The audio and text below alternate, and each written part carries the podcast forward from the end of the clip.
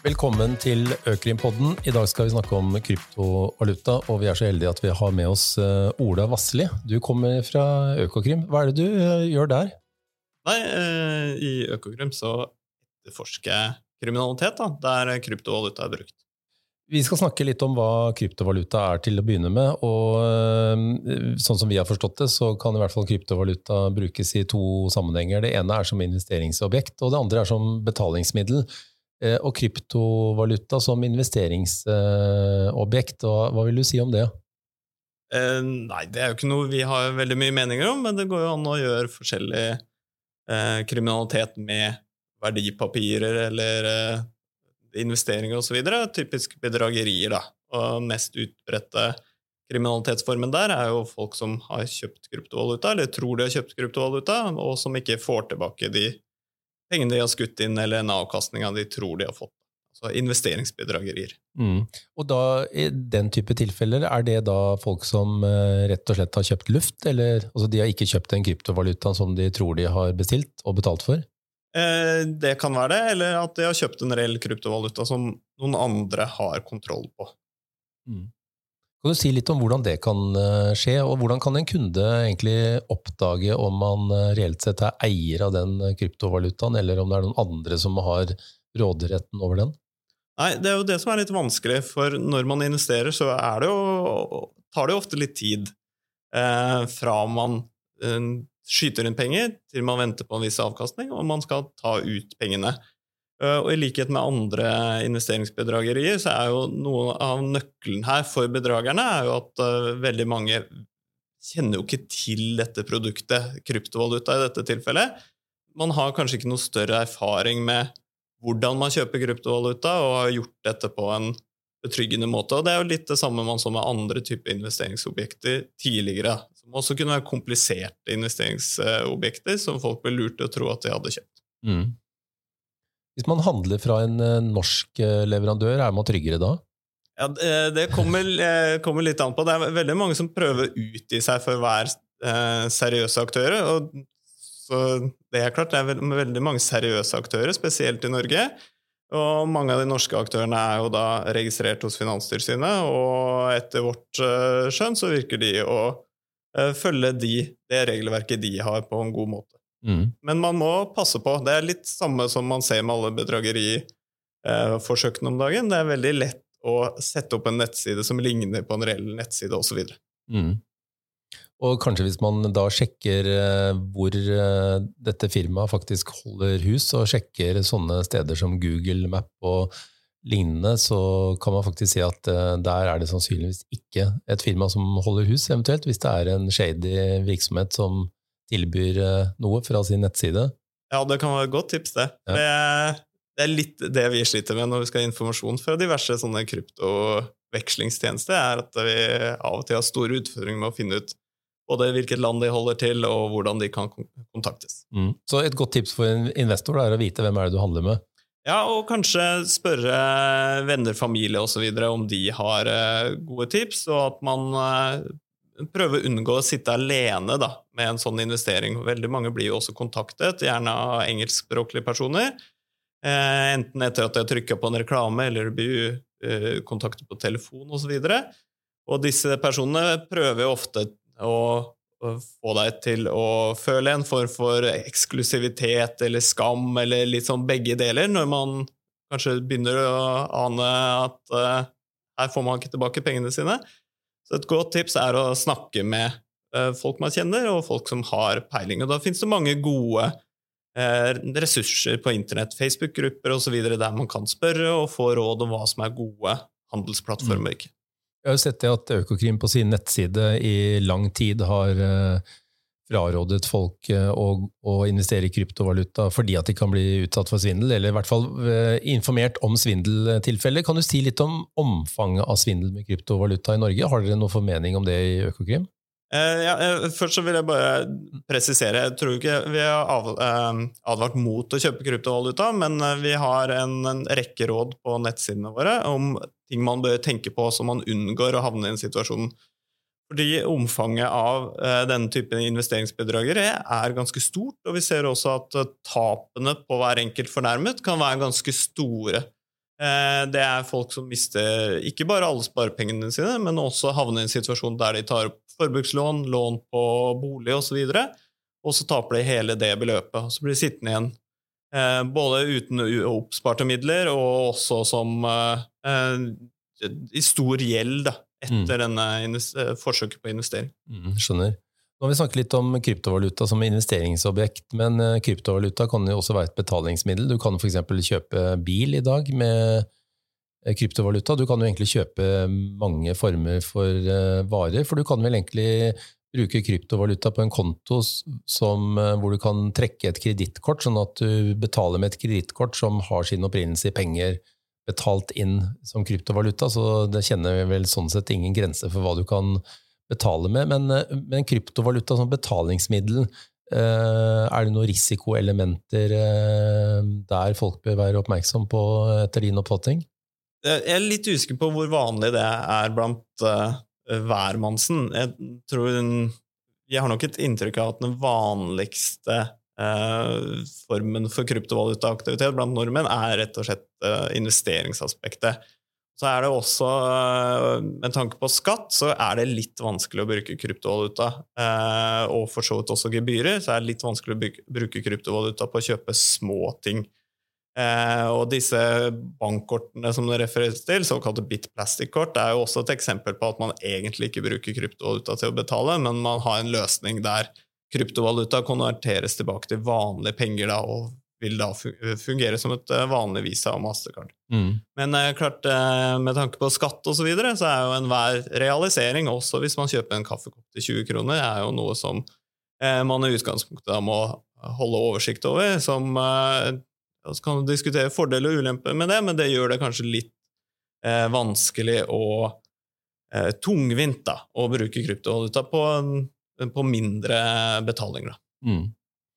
Uh, utvinning av kryptovaluta det er også interessant, uh, fordi at uh, vi vet jo at det er profesjonelle aktører i Norge som utvinner kryptovaluta, men også historier om at uh, f.eks. en kunde av en bank kommer til banken og sier at de midlene som er opprinnelsen til innskuddet jeg skyter inn i banken, de kommer fra kryptovaluta som er utvunnet selv egen utvinning på gutterommet er en sånn type forklaring. Er det reelt, eller er det bare fiktivt, eh, sånn som dere i Økokrim oppfatter det?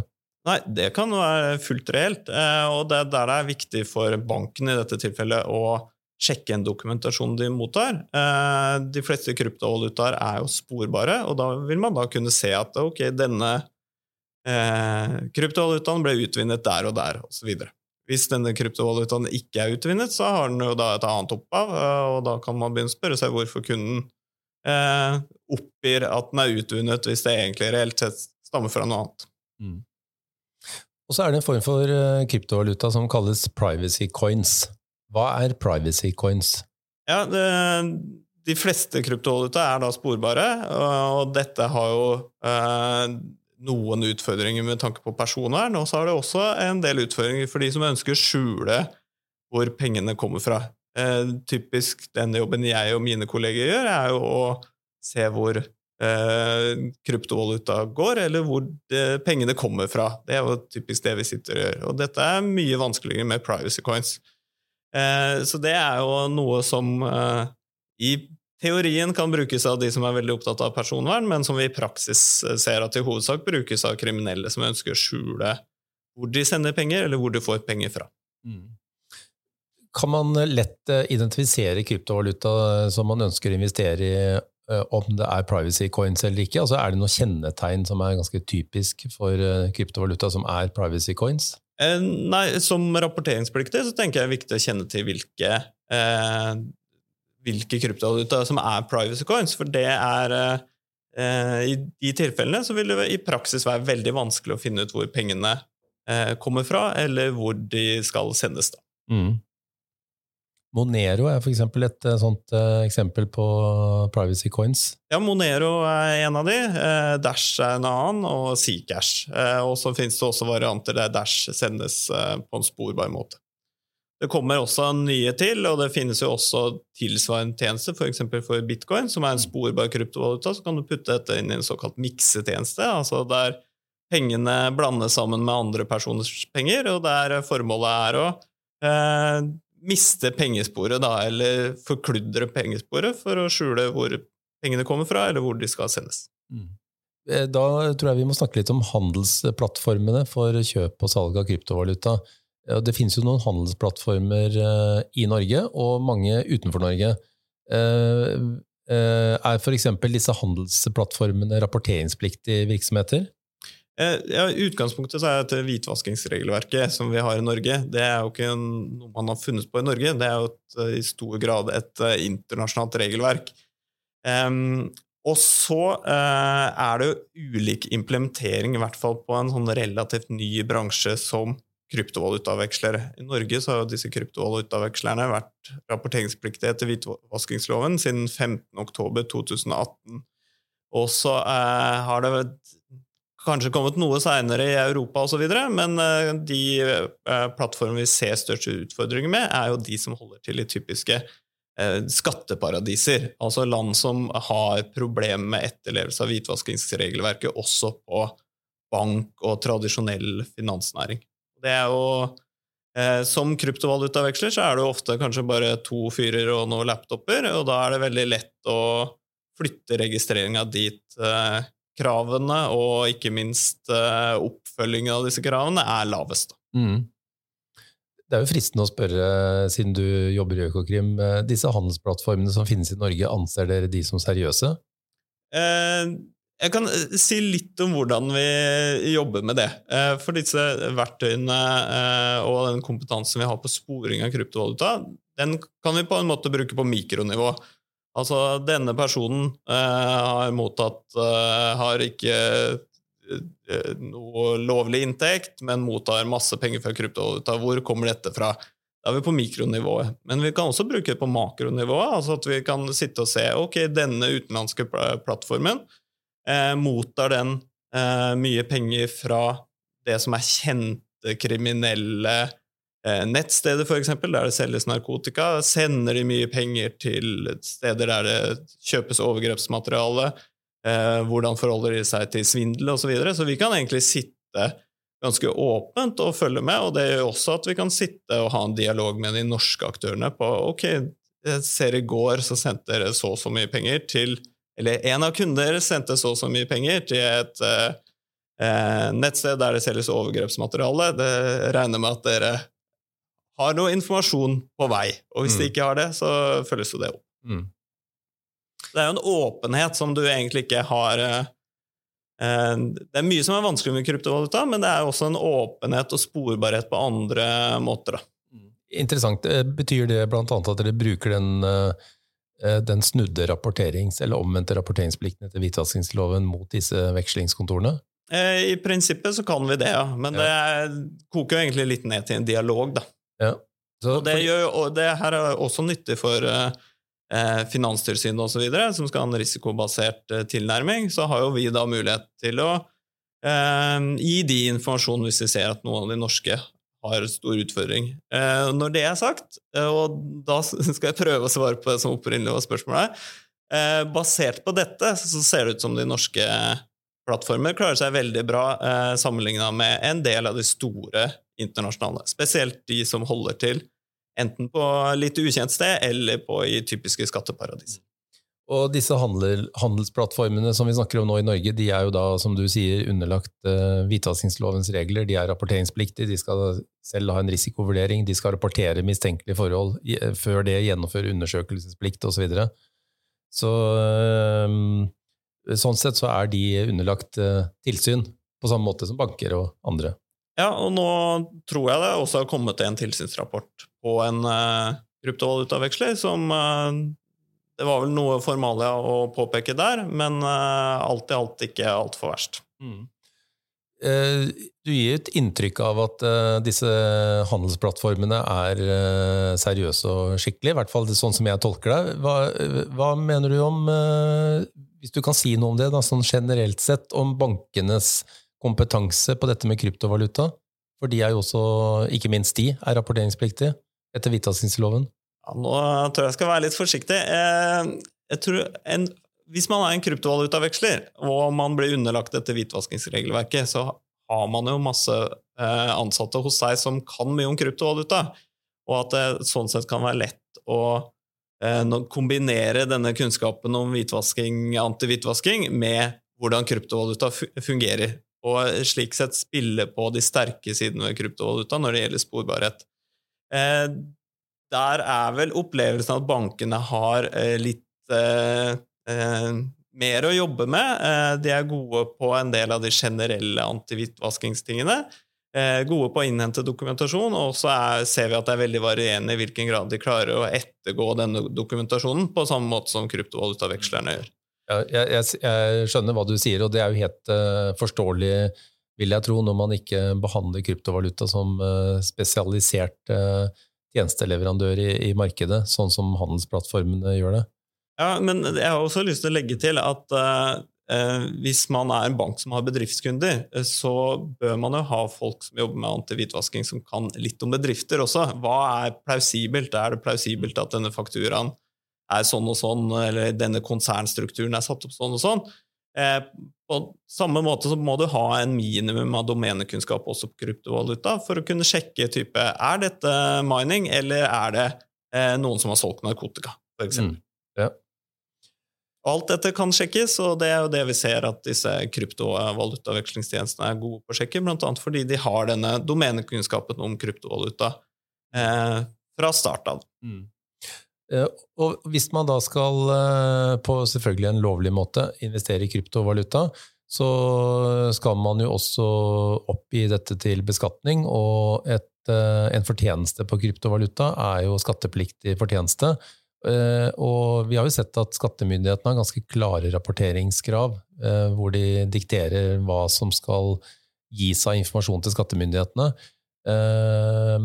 Eh, har du noe, eh, følger dere i Økokrim med på etterlevelsen av det? Har dere noe inntrykk av hvor mange er det som faktisk investerer i kryptovaluta? Hvor mange er det som oppgir til skattemyndighetene at de har eh, kjøpt og solgt og hatt fortjeneste på kryptovaluta? Ja, Som du er inne på, så er jo dette utgangspunktet skatteetatens eh, område. Så det nyeste tallene vi har derfra, er disse tallene fra skattemeldingen i 2019. Eh, da var det 4740 eh, norske personer som hadde rapportert eh, Du skal da rapportere formue og eh, inntekt eller tap. Da. Eh, og skatteetaten anslo den gangen at det var 60 000-70 000 nordmenn som hadde investert i kryptovaluta. Vi er jo ganske sikre på at antallet er høyere i dag, og så håper vi også at eh, andelen som har rapportert, ikke bare har steget tilsvarende, for det var jo ganske dårlig etterlevelse i utgangspunktet, men at eh, man oppnår mye bedre etterlevelse enn man har hatt tidligere. Mm. Men i, i, hvert fall så er det kravet der om eh, rapportering til skattemyndighetene. Så hvis man f.eks. er regnskapsfører, kan det være en god idé å be kunden om å fremlegge den samme dokumentasjonen for regnskapsfører som uh, kunden skal ha sendt til skattemyndighetene? Ja, og jeg ser også at andre typer rapporteringspliktig i varierende grad, også ber om den samme dokumentasjonen. Og det er jo dokumentasjon som bør henge sammen, da. Hvis man eh, eier så og så mye kryptovaluta, så, og dette selges f.eks. på en utenlandsbørs og tas tilbake til Norge, så det er jo dette noe som med fordel hadde vært innrapportert dag, eh, året før, hvis dette var noe man har sittet på en god stund. Mm. Du, helt til slutt, har du noen uh, tanker om uh, hvordan dette markedet uh, kan utvikle seg? Altså blir, Kommer kryptovaluta til å bli mer vanlig, tror du, eller er dette en sånn bølge som går over om en stund? Det er vanskelig å si, men vi ser jo på disse Det er masse sånne nye betalingstjenester. Du har disse heldigitale bankene i utlandet, og stort sett så ser vi at det konvergerer jo litt eh, etter hvert, at dette som er så spesielt i dag, kanskje begynner å ligne mer og mer på tradisjonell finans, og du kan også kanskje se for deg, som du ser i utlandet, at det er en del av tradisjonelle banker som begynner å tilby kryptovaluta som en del av sin, eh, sine produkter. Mm. Og Det kan jo tyde på at dette blir mer og mer eh, renhårig på en måte, og mer og mer vanlig for eh, både menigmann og bedrifter og andre? Ja, det kan jo det, men eh, det er vanskelig å spå, spå inn i fremtiden. Ja. Men eh, takk for eh, en prat om eh, kryptovaluta. Ola Vassli fra Økokrim, takk for at du kom til eh, Økrimpodden. Det var bare hyggelig.